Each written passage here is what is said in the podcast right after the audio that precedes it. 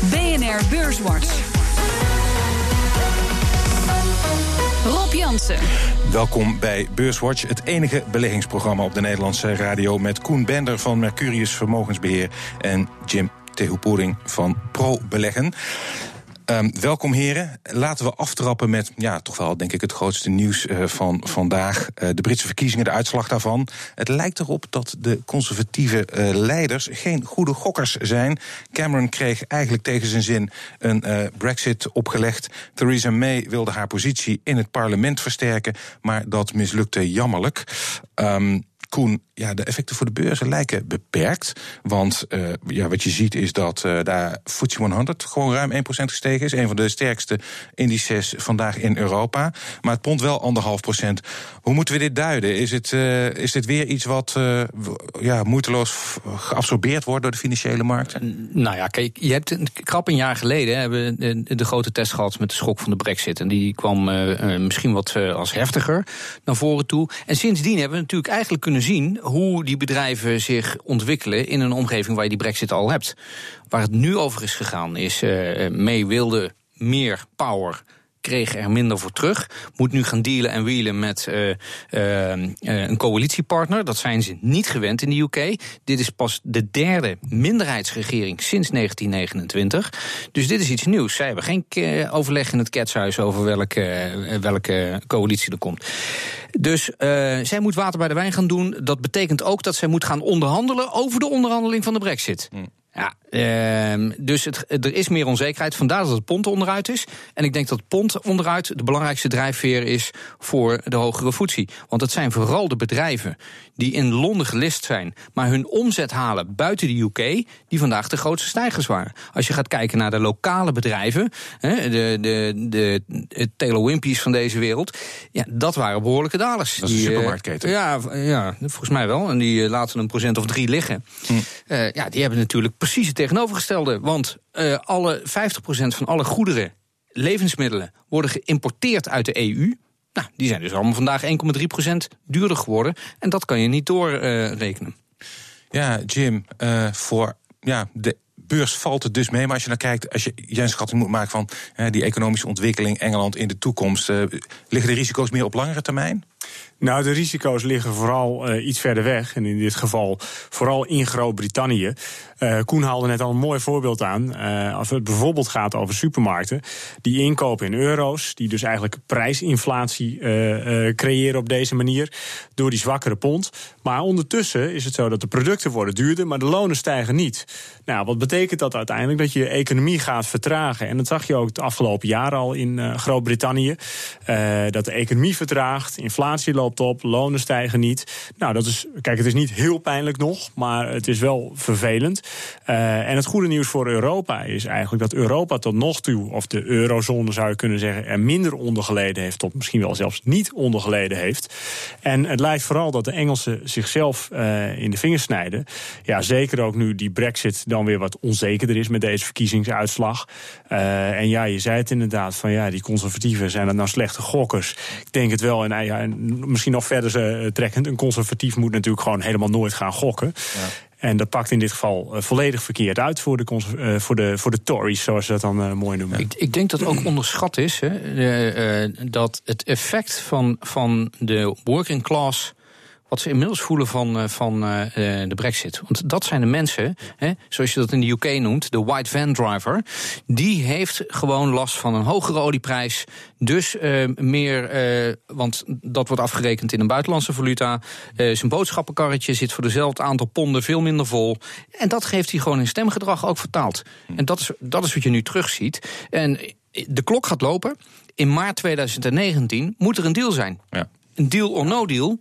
Ja, als er no deal is, dan hebben we dus een harde brexit. En dan denk ik, daar ben ik het niet mee, uh, uh, eens uh, met, met, met Jim. Er zijn wel degelijk Europese bedrijven die hier heel veel last van gaan hebben, die op het continent zitten. Want als jij een transportbedrijf hebt en, en, en 30% van je business is naar de UK, nou, je kan daarop rekenen dat je heel veel minder heenvracht hebt naar de UK.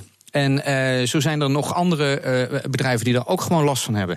En er zijn uh, een aantal luchtvaartmaatschappijen die veel vanuit hier naar dingen. Ja, die, hebben, die hebben daar ook last van. It ja. takes time to adapt. Ja. Maar de echte verliezer in deze, dat is Groot-Brittannië zelf. En overigens denk ik wel dat Theresa May ook een beetje pech heeft gehad.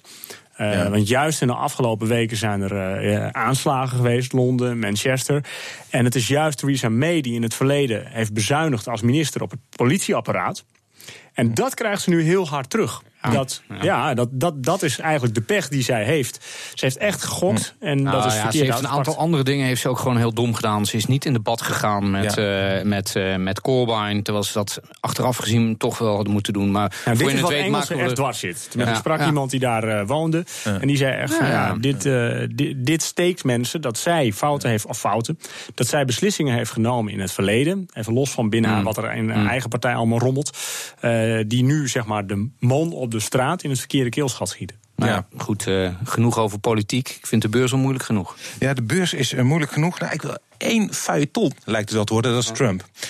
ja, nog even. Trump, uh, die heeft... van Corbyn naar Comey. Ja, van Corbyn naar Comey, inderdaad. Um, hij, er was verwacht dat Comey, de oud-FBI-chef die door hem is ontslagen...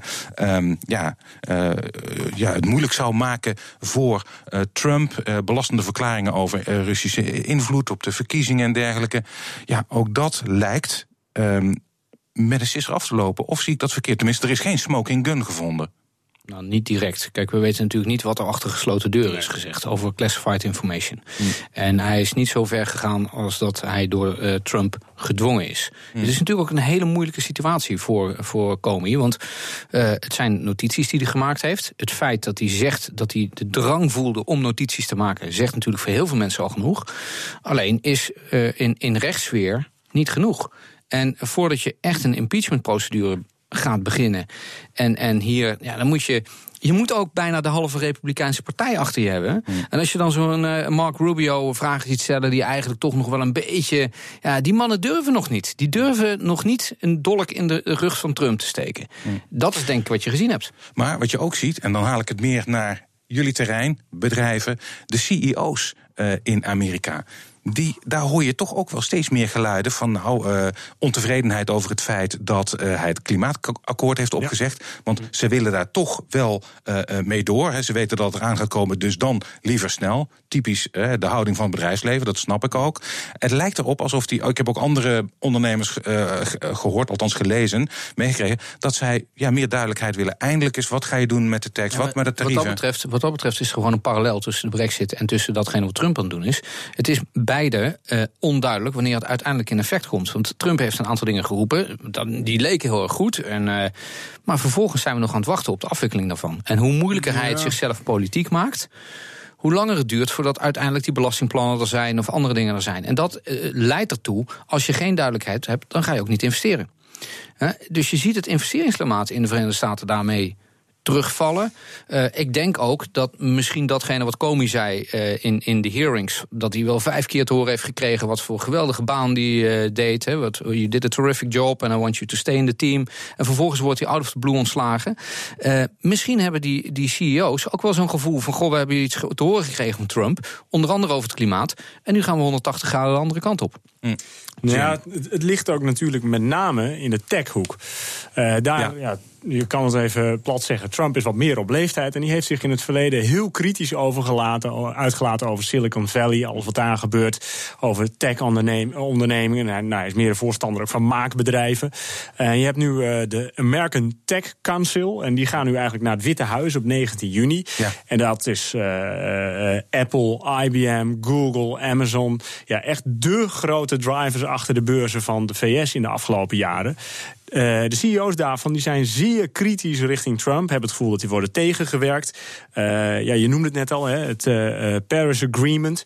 Ehm, ja, Tim Cook die heeft uh, ook publiekelijk opgeroepen dat Trump die beslissing moet terugdraaien. Dus het is met name die, wat ze dan noemen, hè, die, die fang stocks, die grote succesvolle Amerikaanse tech-ondernemingen, dus Amazon, uh, Netflix, Google en Facebook natuurlijk. Facebook zit geloof ik niet in die council. Nee. Maar die trekken nu behoorlijk van leer tegen Trump. En ja, dat zijn wel, om het mij even plat te zeggen, de gevierde jongens van de afgelopen jaren op de beurs. Hmm. Als we kijken naar Europa, wat ik een van de grote uh, nieuwsontwikkelingen van afgelopen week vond, was uh, Banco Popular. Spaanse bank voor 1 euro gekocht door Santander. bij de laatste stresstest kwam het goed door de test en moet toch gered worden. Um, Jim, was jij verrast door deze actie waar de ECB achter zit? Ja, uh, uh, wel. Uh, maar dat heeft ook mee te maken dat ik mijn, mijn kernfocus ligt meer op de Nederlandse markt. Dus uh, wat, wat er precies in Spanje gebeurt, ja, ik kom er wel eens, maar uh, hè, dat is voor mij iets minder bekend terrein. Hm. Het positieve element erin, het is heel negatief natuurlijk dat een bank gered moet worden. Maar positief is natuurlijk wel dat in het verleden. Uh, overheden nodig waren, 2008, 9, 10, om banken te redden. Uh, en dat in dit geval eigenlijk de financiële markt zelf in staat is geweest om uh, in dit geval Banco oh, Popular, zelf uh, ja, dat probleem op te lossen. Dan met inmenging van Santander. En dat is, geeft toch ook wel weer aan dat het financiële systeem in de eurozone vele malen stabieler is dan vijf jaar geleden. Dus dat is de hmm. positieve noot die ik er uh, nog uithaal. Onderschrijf je dat, Koen?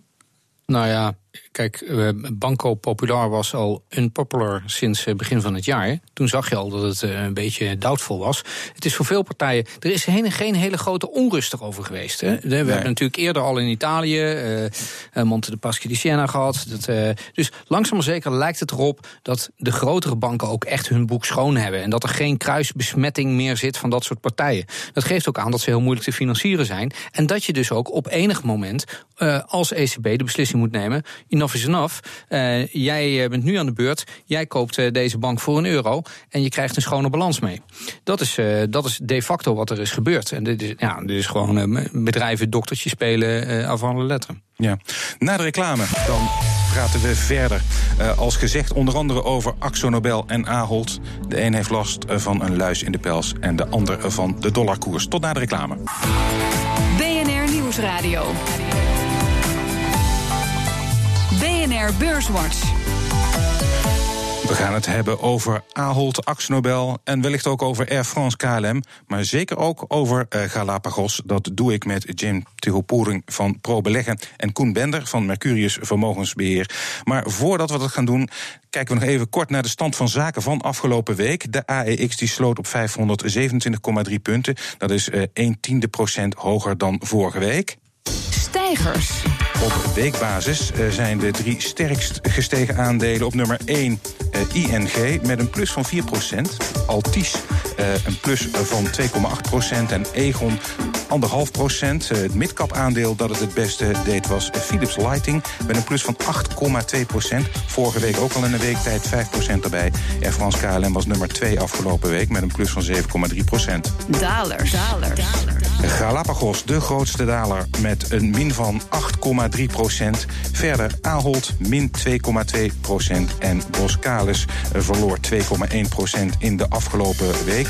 En in de midcap was Flow Traders de grootste daler met een min van 3 procent. En de AEX is drie van de vijf handelsdagen hoger uh, gesloten. Uh, kortom, ja, een redelijke beursweek. Laten we ze even aflopen. Jim, Galapagos stond al op jouw lijstje om te bespreken. Uh, lijkt mij een beetje een voorbeeld van uh, hardlopers en doodlopers. Althans, het ging dit jaar heel erg hard met Galapagos. Het is een beetje oneerlijk wat ik zeg, van ze staan nog steeds op een plus van ongeveer 14 procent. Maar het ging uh, de eerste maanden van het jaar als een speer. En nu lijkt het wel uit de gratie. Hoe verklaar je dat? Ja, dan te bedenken dat een goede bekende van mij heeft ooit naar de beurs gebracht op 7 euro tien jaar geleden. Ja, ja, ja, Nog steeds 70 nu natuurlijk. Ja. Um, ja, wat een biotech beleggen is sowieso ontzettend moeilijk. Omdat he, beleggen is al handelen in verwachtingen. Maar de verwachtingen bij biotech ondernemingen die liggen heel ver vooruit. En bij Galapagos uh, ja, er lijken nu toch de eerste medicijnen daadwerkelijk in praktijk bijna te worden gaan gebruikt. En ja, hun belangrijkste ontwikkeling dat is filgatinib. Dat is een uh, medicijn, een pilletje in dit geval. Dat gebruikt kan worden uh, voor mensen die lijden aan reuma of ziekte van Crohn. Uh, ja, dat heet in dit geval een JAK1-medicijn. Uh, dat gaat vanuit het enzym. Nou, een grote concurrent, dat was eerst een partner van hun, dat is AppFi.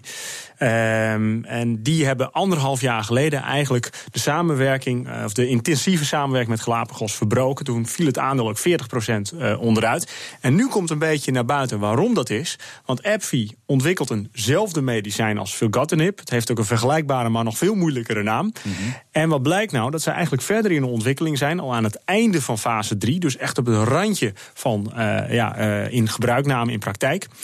En ja, dat zet toch wel eventjes flink druk op de koersen. Want uh, ja, AbbVie is nu marktleider. Die hebben een injectie. Dat heet uh, Humira. Daar gaat 16 miljard per jaar voor hun om. En als zij dus eerder zijn met dat pilletje dan Galapagos... Ja, dan hebben ze weer een voorsprong. En dat zet uiteindelijk druk op de resultaten van Galapagos. Dus vandaar die toch wel stevige koers verliezen. Ja, maar dat betekent dus ook, zijn ze sneller... dan kunnen ze dus ook wel weer enorm gaan inlopen. Zie ik dat goed?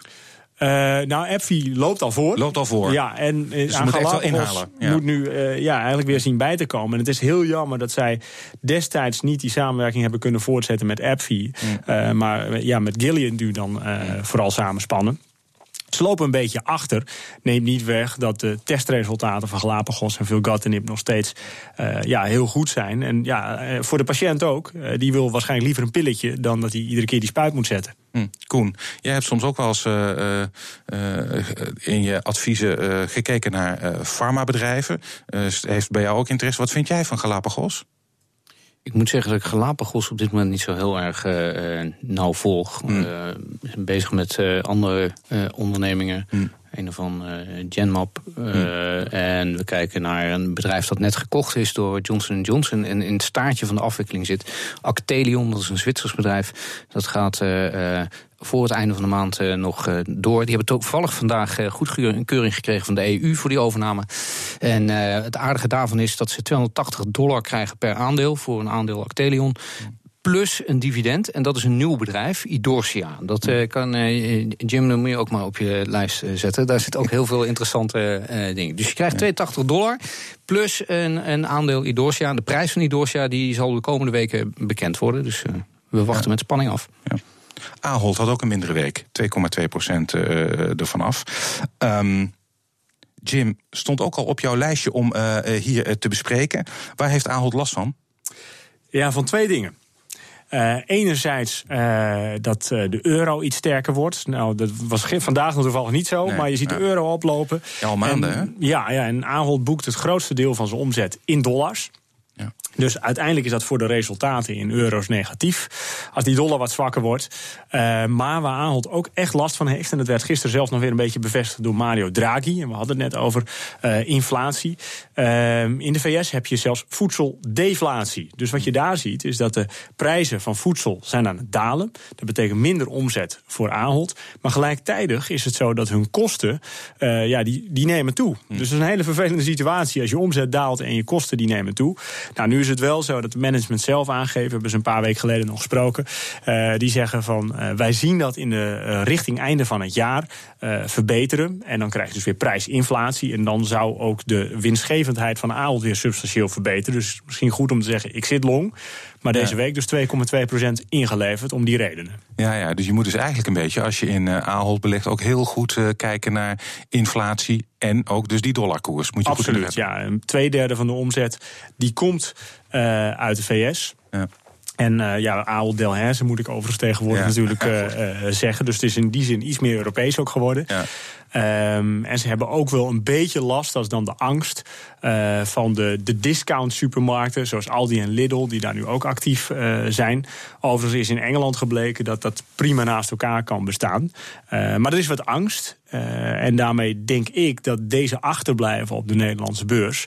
Uh, ja, misschien wel heel aantrekkelijk geprijsd is als je kijkt wat de potentie naar de toekomst is voor ah, kostenbesparingen. Uh, picknick komt eraan. Hè? De kleine, kleine witte wagentjes met rode dingen. Ja, het is Nederland, hè? Nederland ja, stelt niks voor. Ja, het is de ja, thuismarkt. Ja, is 100 ja. miljoen opgehaald, jongens. Dat, uh, beware. Ja. Jij bent uh, voorzichtiger over Ahold, Deleuze?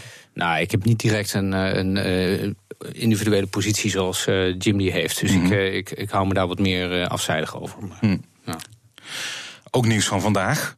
Elliot, de uh, horzel, de luis in de pels. Daar van... hebben we nou weer wel een positie in. Aha. nou, kunnen we elkaar de hand geven, Koen? Ja, ja. Um, uh, een longpositie, neem ik aan. Ja, maar pas sinds kort eigenlijk. Ja. Dus uh, nou, dan, lang gewacht. Lang gewacht. Ja, um, ja Elliott Advisors uh, voor de luisteraars is natuurlijk uh, de activistische aandeelhouder. Luis in de pels. Luis in de pels. Zij willen dat uh, Axo Nobel wordt verkocht aan PPG. PPG heeft zich teruggetrokken. Men vermoedt dat Elliott Advisors wel hele nauwe banden heeft met PPG.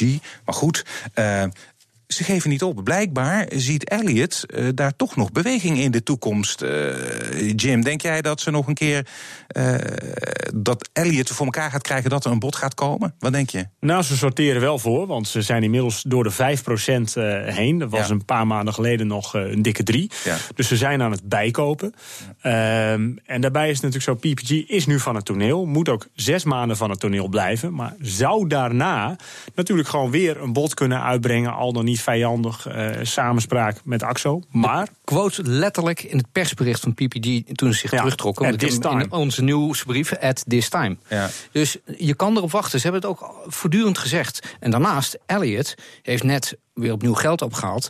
Paul Singer, de Ja. grote man daar aan het roer, die heeft een reputatie. En die reputatie is dat je beter een pitbull in je kuit kan hebben dan Paul Singer. Want een pitbull laat sneller los. Ja, kortom. eh, Nou, je ziet ook een tegenbeweging van AXO nu. Want Buchner die heeft gezegd, wij gaan 4% groeien. Nou ja, je kan van alles roepen. Hij moet het nu gaan bewijzen. Eh, de afgelopen vijf jaar deed hij het zeker niet. Ehm, en wat hij dus nu eigenlijk doet, ik geloof dat ze het een poisoning pill noemen. Hij is eigenlijk eh, bijvoorbeeld nu de chemiedivisie, zegt hij van ja, die komt te koop. Eh, private equity heeft belangstelling. We gaan misschien wel een beursgang doen.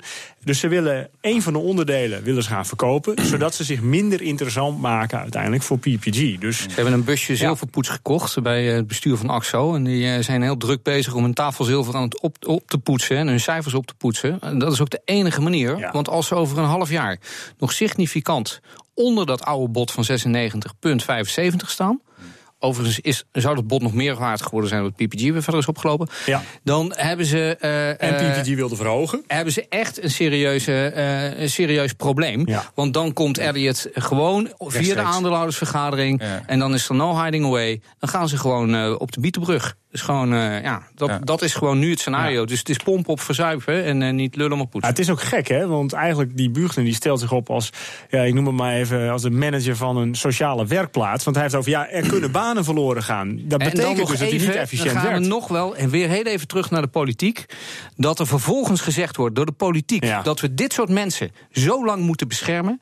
Als je een werknemer hebt die niet functioneert. en je die vervolgens een jaar of drie jaar lang in bescherming moet houden. En de kans moet geven om te verbeteren. jongens, houd toch op, dan kunnen we BV Nederland wel sluiten. je wordt er echt boos van, hè? Ja, ik word er boos van. Ja. Ja, ja, nou, het is, vind ik echt schandalig. ja. Ja, het, is, eh, het is een beleggersland inderdaad. eh, Van wie is het bedrijf nou? Ja, het allerergste is, dat komt nota bene bij bijvoorbeeld minister Kamp vandaan. VVD, Vrije Markt. eh, Het lijkt wel liggen. ministerie van Sociale Zaken voor mispresterende eh, bestuursvoorzitters. Hou eens op, jongens. Nee, dan meen ik serieus. Weet Ja. je wat het probleem is? Omdat er te weinig mannen zoals zo'n Paul Singer zijn. Die gewoon echt, jongens, de boel eens even opschudden. Als je naar de gemiddelde aandeelhoudersvergadering in Nederland gaat... dan komen er alleen maar mensen van boven de 70 met een tasje... en die komen alleen maar kijken de wat voor gadgets er zijn. Ja. Voor de goodiebag. Ja. ja, ja, Hou eens op, jongens. Ja, het is eh, duidelijk. Nou, je mag eh, eh, om af te koelen een tip Glaasje geven. water. Een glaasje water. En een tip voor de luisteraar. Wat zou jij de luisteraar deze week willen meegeven als bijvoorbeeld een interessante kooptip? Voor volgende week. Eh, nou ja, ik noemde er eigenlijk net alleen een Zwitsers aandeel Actelion. dat er nog eh, naar het einde van de maand toe. Eh, een hele interessante eh, kennisgeving gaat geven. Dat is namelijk wat hun eh, nieuwe aandeel, hun superdividend gaat worden. Bovenop die 280 eh, eh, dollar die, die je van Johnson Johnson gaat krijgen. Dus dat is, dat is er één. En ja, verder vind ik het een beetje lastig. Philips Lighting, we hadden het al eerder over. Ja, die komen gaat de negentiende Ja. worden die opgenomen in de Eurostock 600. En Ja. dat kan natuurlijk nog wel wat vraag geven voor indexknuffelaars die dat dan ook opeens willen hebben. Ja. Jim, wat is jouw tip voor de luisteraar? Nou, ik hoorde jou net eventjes eh, eh, noemen Flow Traders als een van de Ja. grootste dalers. Ja. Doet het dit jaar ook slecht, is gehalveerd, zelfs sinds eh, begin vorig jaar. Ja. Ehm, en wat je, het is wel heel kenmerkend voor de markt. Wanneer verdient flow traders met name geld in volatiele markten? Ehm, doordat dan hun spreads groter zijn, de volumes hoger. Het is een relatief simpel businessmodel. Achterliggende technologie niet, maar businessmodel wel. En het businessmodel draait nu niet. Waardoor komt dat? Die markt is extreem saai. Ja. Volatiliteit is nu gedaald tot 10%, dus eigenlijk ongekend. En ja, iedereen die al wat langer belegt, die weet... Uh, uiteindelijk komt er weer beweging. Ja. En als er beweging is, dan wordt er veel geld verdiend bij flow traders. En daarom vind ik flow traders in de portefeuille ook altijd wel een mooie hedge. Die doet het namelijk goed als het slecht gaat op de beurzen. Aha, kijk aan. Nou, um, we zijn hiermee alweer uh, aan het eind gekomen van uh, deze aflevering van Beurswatch. Ik dank jullie, mijn gasten Koen Bender van Mercurius Vermogensbeheer, Jim Tegelporing van uh, Pro Beleggen. Um, volgende week is er weer een Beurswatch. Deze uitzending die kunt u naluisteren op de website van BNR of via de BNR-app. Heeft u nog vragen, dan kunt u een tweet sturen naar Rob Jansenbeurs of @bnr. En dank voor het luisteren.